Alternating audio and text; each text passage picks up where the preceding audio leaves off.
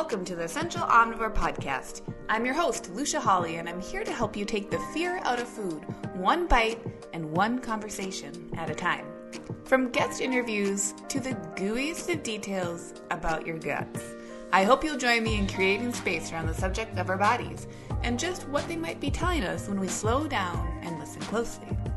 Remember that the information provided within this podcast is for general information and educational purposes only and does not provide medical advice, professional diagnosis, opinion, treatment, or services to you or any other individual.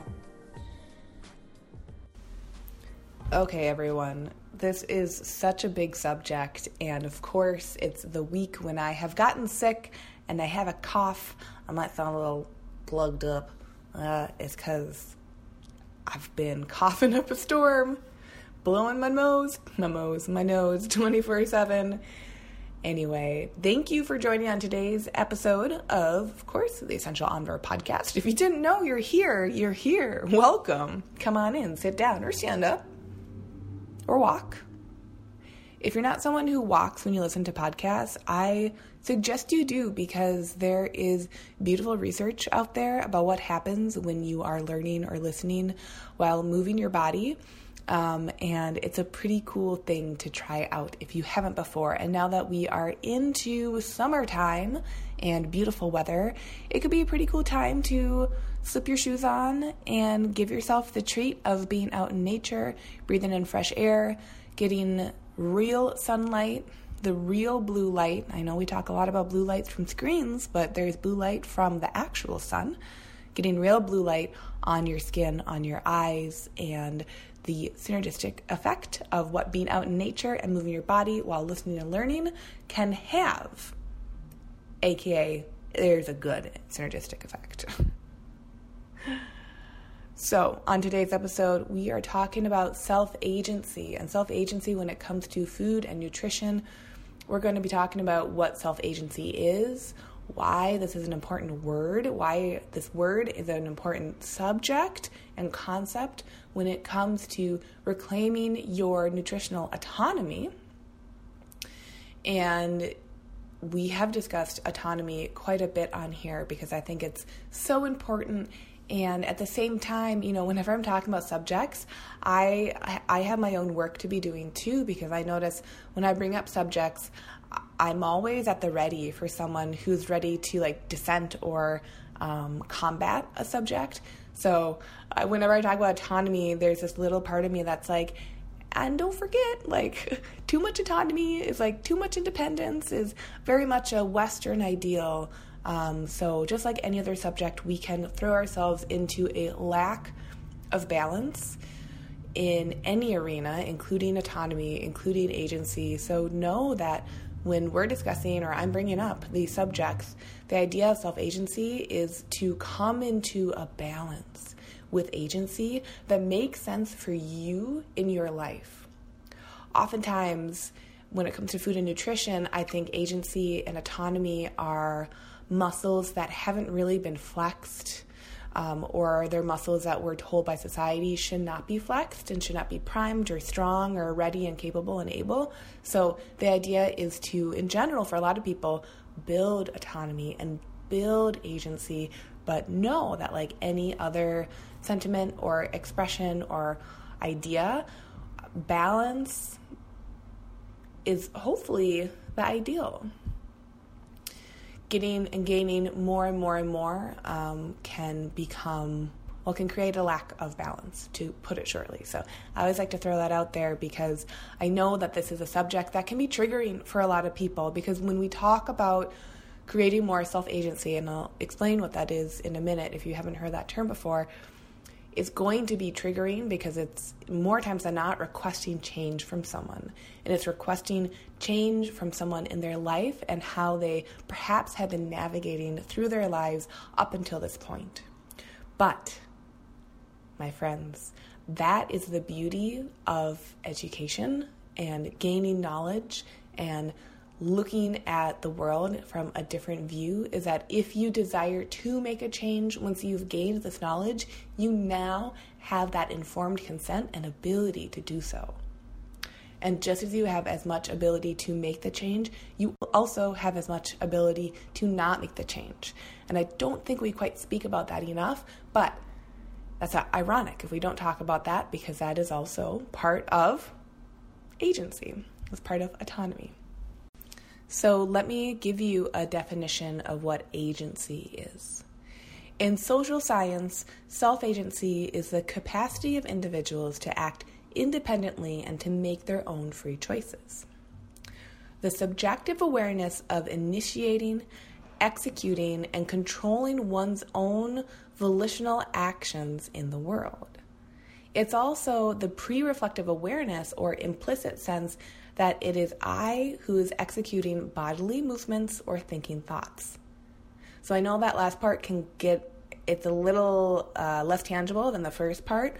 So, really, the idea of self agency is saying when it comes to control, my control is internal, it is not external. So, who I am as a person, whether it is my body or my thoughts or some conglomeration of both or neither, that comes from within.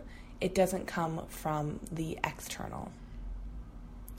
So, why does self agency matter in our lives? Before we even dive into food and nutrition, why would we care about discussing the idea of agency and self agency, period, point blank?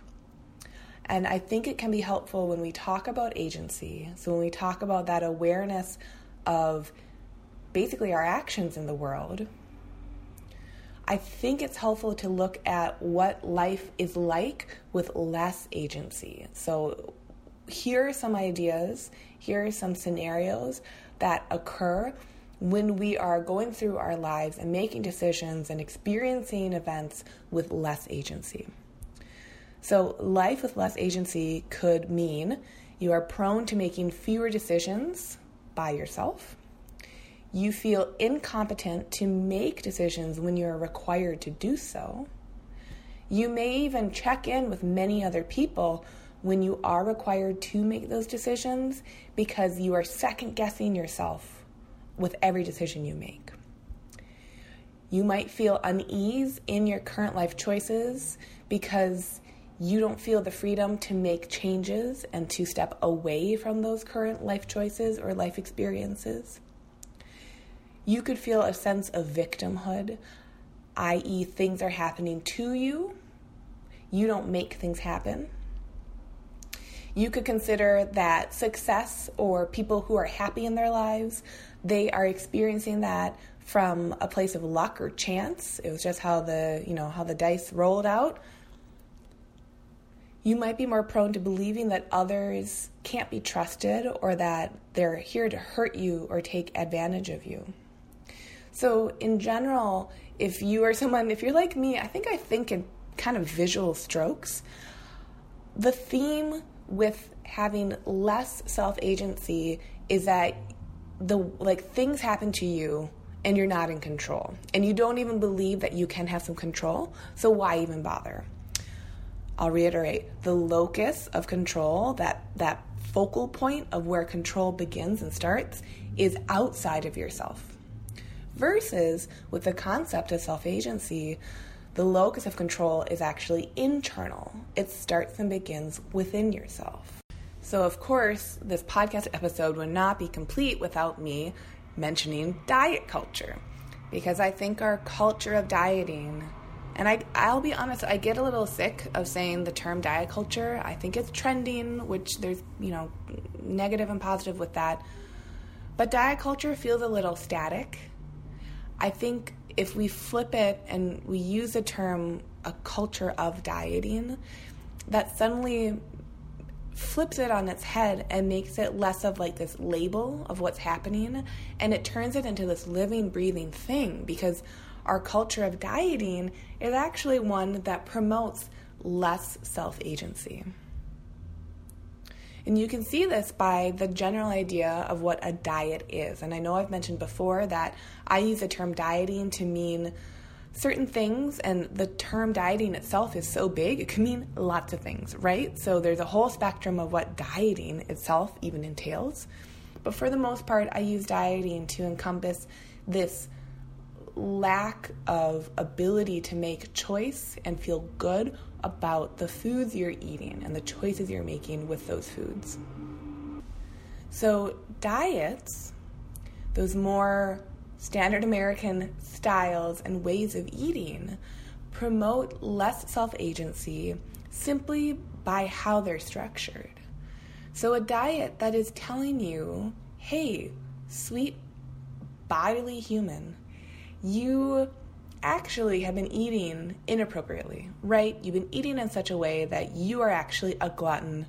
You are these words that we have labeled as bad. You're lazy, you're gluttonous, you're fat, and being fat is a bad thing, right? This is diets saying this. Diets are creating a landscape, they're painting a picture that we have grown up in. We've grown up in this landscape that we really don't question. I think a lot of us don't question it initially. We hear the messaging, we are fat, we're lazy, we're gluttonous, and we believe it. And we hear it because, and believe it because we see our peers doing that. We see our loved ones, we see wise elders like our parents or parental figures or grandparents. We see them existing within the same landscape. And so, as smart social creatures, we align with their thoughts as well. That's actually an adaptive human mechanism, right? You want to be part of, and I, I, almost take issue with this term too, but you want to be part of that tribe. You want to be part of that community, right? That you're growing up in because that is how you keep yourself safe to a certain extent. And now, as sweet, precious humans, we're in this modern culture where not only do we have that as an adaptive function and feature within ourselves, right? Like, don't don't be the black sheep. You're going to get penalized for that socially. We're in that culture, but we're also at the same time in this culture that is completely promoting independence and promoting doing your own thing. And so we're all caught in a double bind of wanting to align with culture in so many ways, while also being told that we need to strike out on our own in so many ways, which that in and of itself is like ripe with decision fatigue and ripe with like being exhausting. That's a lot for a human to be considering. So, first off, if you are here and you're newer or maybe you're not new at all, you've been, you know, thinking about these messages for a long time, I just want you to make sure that you give yourself a pat on the back and you like congratulate yourself for approaching these subjects because they aren't easy subjects to hash out and to really delineate where and why they have come to be and really where why how we want to be moving through them as individual, autonomous selves with agency. So, dieting and opting for a diet, diets typically are telling us that our bodies can't be trusted and that if we trust the diet, then the diet will give us what we want. And more often than not, what we want is what we're being told we want, which is to be thinner, to eat a lot of salads and to look a certain way. More times than not, that's what is being perpetuated by dieting and diets. So, being able to step away from that narrative, first and foremost, is extremely challenging. It's very doable, but it's extremely challenging. I know, I said that. It's both of those. So, this is why starting to look at self agency is really, really helpful when it comes to our food. Yes, agency and self agency. Listen, when you start to look at it with your food, it's going to affect your whole life. That's just how it goes. But when it comes to our play and interaction with the foods we eat, I think it can start to illuminate those narratives of diets.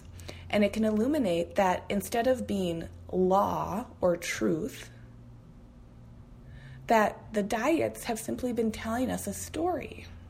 And instead of having to judge the story, when we work on and encourage ourselves to increase our self agency, what we're doing is that we're increasing that locus of control that is internal, right, within ourselves. When we do that, then we're able to say, aha, hello narrative. I can now choose, if I so desire to, to have the reaction to this narrative that I want. And that alone, I just want you to hear that because I think that's a very powerful way to step away from dieting and step away from the like hamster wheel of fretting that so many of us are on and so many of us have grown up in an environment to be on. We've grown up in that. Why? Because our peers and our loved ones have grown up in that same environment. And maybe they've gotten a different subset of smaller messages from that environment, but they're still overall within the same structure. So, when it comes to self agency, how does that come into play with our food? I think there are a few different categories. There are about six or so that we can be looking at. So, number one is decision making. Do we feel like we are capable of making decisions with our food? It might seem like a silly little question, but I think it's a really big one, right? How many times have you gone to a restaurant when you've been on a diet or you've just been living your life and you don't know what to eat, right? You don't know if it should be paleo, if it should be low calorie. You don't know hell if you should be fasting because that's that's like the ticket to health now. You don't know what to be doing and you wish that someone else can make that decision for you. That's where the diets like to slip in because they'll say, "Hey, I have this structure and idea. Don't you fret." You know, quiet little mouse you. don't worry about it. I got you. So, being able to encourage a sense of self agency around food, and we'll get to how we do that, can help us create more robust decision making capabilities. Number two, self agency can come into play with our food by helping us feel more competent. It can help us feel more competent within ourselves, point blank, but also within those decisions that we're now making it can help us feel more competent when we are eating and by aligning ourselves with our own choices. Self agency, the third part that I see for people is that it starts to bring a sense of ease with our food. Right? Because you can make a decision, you can feel competent, but you can still be stressed the fuck out when it comes to what's on your plate. So, being able to feel an ease, a lack of stress, and knowledge about why you're coming to certain decisions is partially based in allowing your sense of control to come back into yourself versus being motivated and encouraged by outside forces. Finally, well, not finally. Number four, self agency affects us when it comes to a relationship with food via feeling like we can be successful. Feeling that when we make decisions or that we put in our hard work or effort, it is going to move us towards something. It's going to move us in a direction that we so desire. Because if you look at people who have less self agency, they really believe that success is only from luck or chance, right? Like you were born into a rich family, so you have more privilege or you were born into a poor family, so you have less privilege. And that's, you know, that's just how the cookie crumbles. Being able to understand that self agency is not going to emotionally bypass those different hardships that people are dealt because there is a level of luck and chance, but that we have the capability to take that luck or chance and do with it what we desire. That is where that self agency comes in. And that is what happens with food and nutrition too so that you can create your own plan, your own goals around your health and wellness, that you can align with whatever potential health mitigator or lack of wellness that you feel you might have been dealt, that you can still align with that and say, within the scope of my life and what I have, this is how I can achieve X, Y, or Z, and this is how I can feel present, even with X, Y, or Z circumstances two more areas that self agency comes into play with our food. Number five, that it encourages us to step away from that victim role. It helps us understand that life doesn't just happen to us, well, we actually make things happen. So, food isn't just something that we eat and our bodies are broken. So, like, that's why the diets don't work, and that's why we feel so horrible, and all the other reasons that could be occurring. It helps us understand that we aren't a victim to our circumstances. And again, similar to the success one that I just mentioned, it it helps us see that yes, we can have certain cards that are dealt into our hands, but within that, we are still the person holding the cards. So we can understand that we get to make the things happen. We get to make those competent decisions with ease that help move us towards success, not out of competition with others, but simply for ourselves and our more innate desires. And this really dovetails into the last idea of how self agency comes into play with our food because it helps us show us that we can have trust in others. And I think this is almost all of these points are beautiful, but this is really the one that I think helps us make sure that our self agency is robust and healthy in and of itself. As I was saying in the beginning, it can be really easy to be like, cool, I'm just gonna be like so self sufficient and like fuck everyone else. And like there's a fire behind you booming, and that's your life, that you're just by yourself. And that's actually another protective form. It's a self me- it's a mechanism of self protection. It's a form of self protection. If we're saying, up, oh, I don't rely on anyone else, I only trust myself, and that's how I do it, and I'm extra, extra healthy because of it. That's self agency to the extreme. So if we come back from that we come into balance with self agency, we can recognize that even with our food, we get to trust in others by trusting in ourselves. And I think a nice way to bring that into food is recognizing that every choice you get to allow yourself to make, by proxy, you actually allow others to make those choices too. So, by being able to focus on your own plate and tune out the noise, you, through leadership, through the ripple effect, and through being you yourself, are now allowing others to do that as well. So, it's less about being prone to believing others are here to hurt you or take advantage of you or tell you what to do. That's more of that dieting culture, less self agency lens.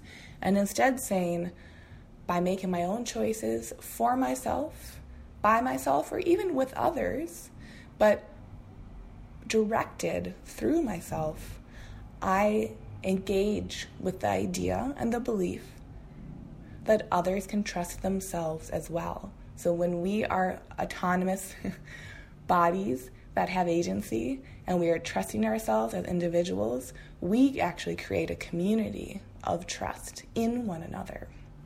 I think that's really, really powerful. Here are some questions I want you to ask yourself because you might be asking yourself right now, well, do I have enough agency? Do I have my self agency uh, like in check? Do I need more? Do I need less? You're great, first and foremost. But here are questions that can help you come into a sense of curiosity around where your locus of control is focused, whether it's more external or internal around food and nutrition. And as I said before, once you start to ask these questions, typically the questions then arise in other arenas of your life. And that's natural and that's okay. And you don't need to worry about those until later, okay?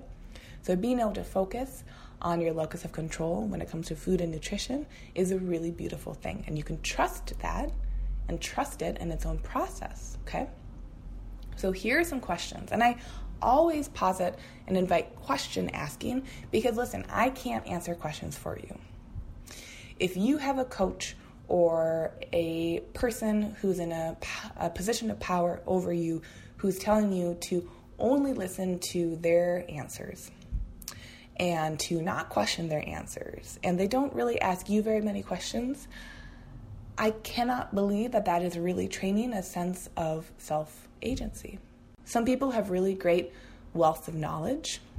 They have deep knowledge in certain arenas that might be less feeling and might just be more factual, right? Like how the body works or how food is working in your body. Yes, there can be specific questions that can get answered, but when we come to a greater sense of why are we doing these things or where are we moving towards with these actions, I think the only way you can get your questions answered is by asking yourself. So, here are some questions for you to ask yourself if you're curious about if you have enough, and I use that in quotes, agency. Am I fulfilled by the food on my plate? Can I embody a feeling of fulfillment? Do I know what that means physically or spiritually or emotionally? Can I trust myself to embrace being curious about what fulfillment looks like for myself? Can I trust myself to make decisions around my food? And consequently, can I trust myself to not always have the answers? Do I trust the signals my body sends me? Am I aligned with my body's needs? Do I feel capable of expressing my needs while understanding that they may be different than others' needs? Can I trust that I can repair any damage? And can I love the damage for what it shows if there so happens to be any? All of these are some questions that, whoa, they get real deep real quick. So if you want to power through all those, kudos to you. If you simply want to be curious about them, also kudos to you. There's no right or wrong way to develop an increase in self agency and simply recognizing what self agency can offer to you if you so desire is actually a really, really big part of it. So I'm going to leave it at that for today's episode. I know it was intense, I know it was short and sweet, so I want you to reach out to me. Shoot me an email, lucia at essentialomnivore.com. Find me on Instagram. I'm at Essential Omnivore on there and send me a DM or leave a comment on a post because this is a conversation that gets deep really quickly. So if you have ideas or thoughts that come up, let's start a conversation. This podcast is a half hour introduction into it, and there is so much more that we can say to one another. So go ahead, think on this, and then get back to me when you're ready. Hey, thanks so much for joining along on today's episode. For full archives of past episodes, hop on over to essentialomnivore.com or subscribe to the Essential Omnivore podcast on Apple Podcasts or Stitcher.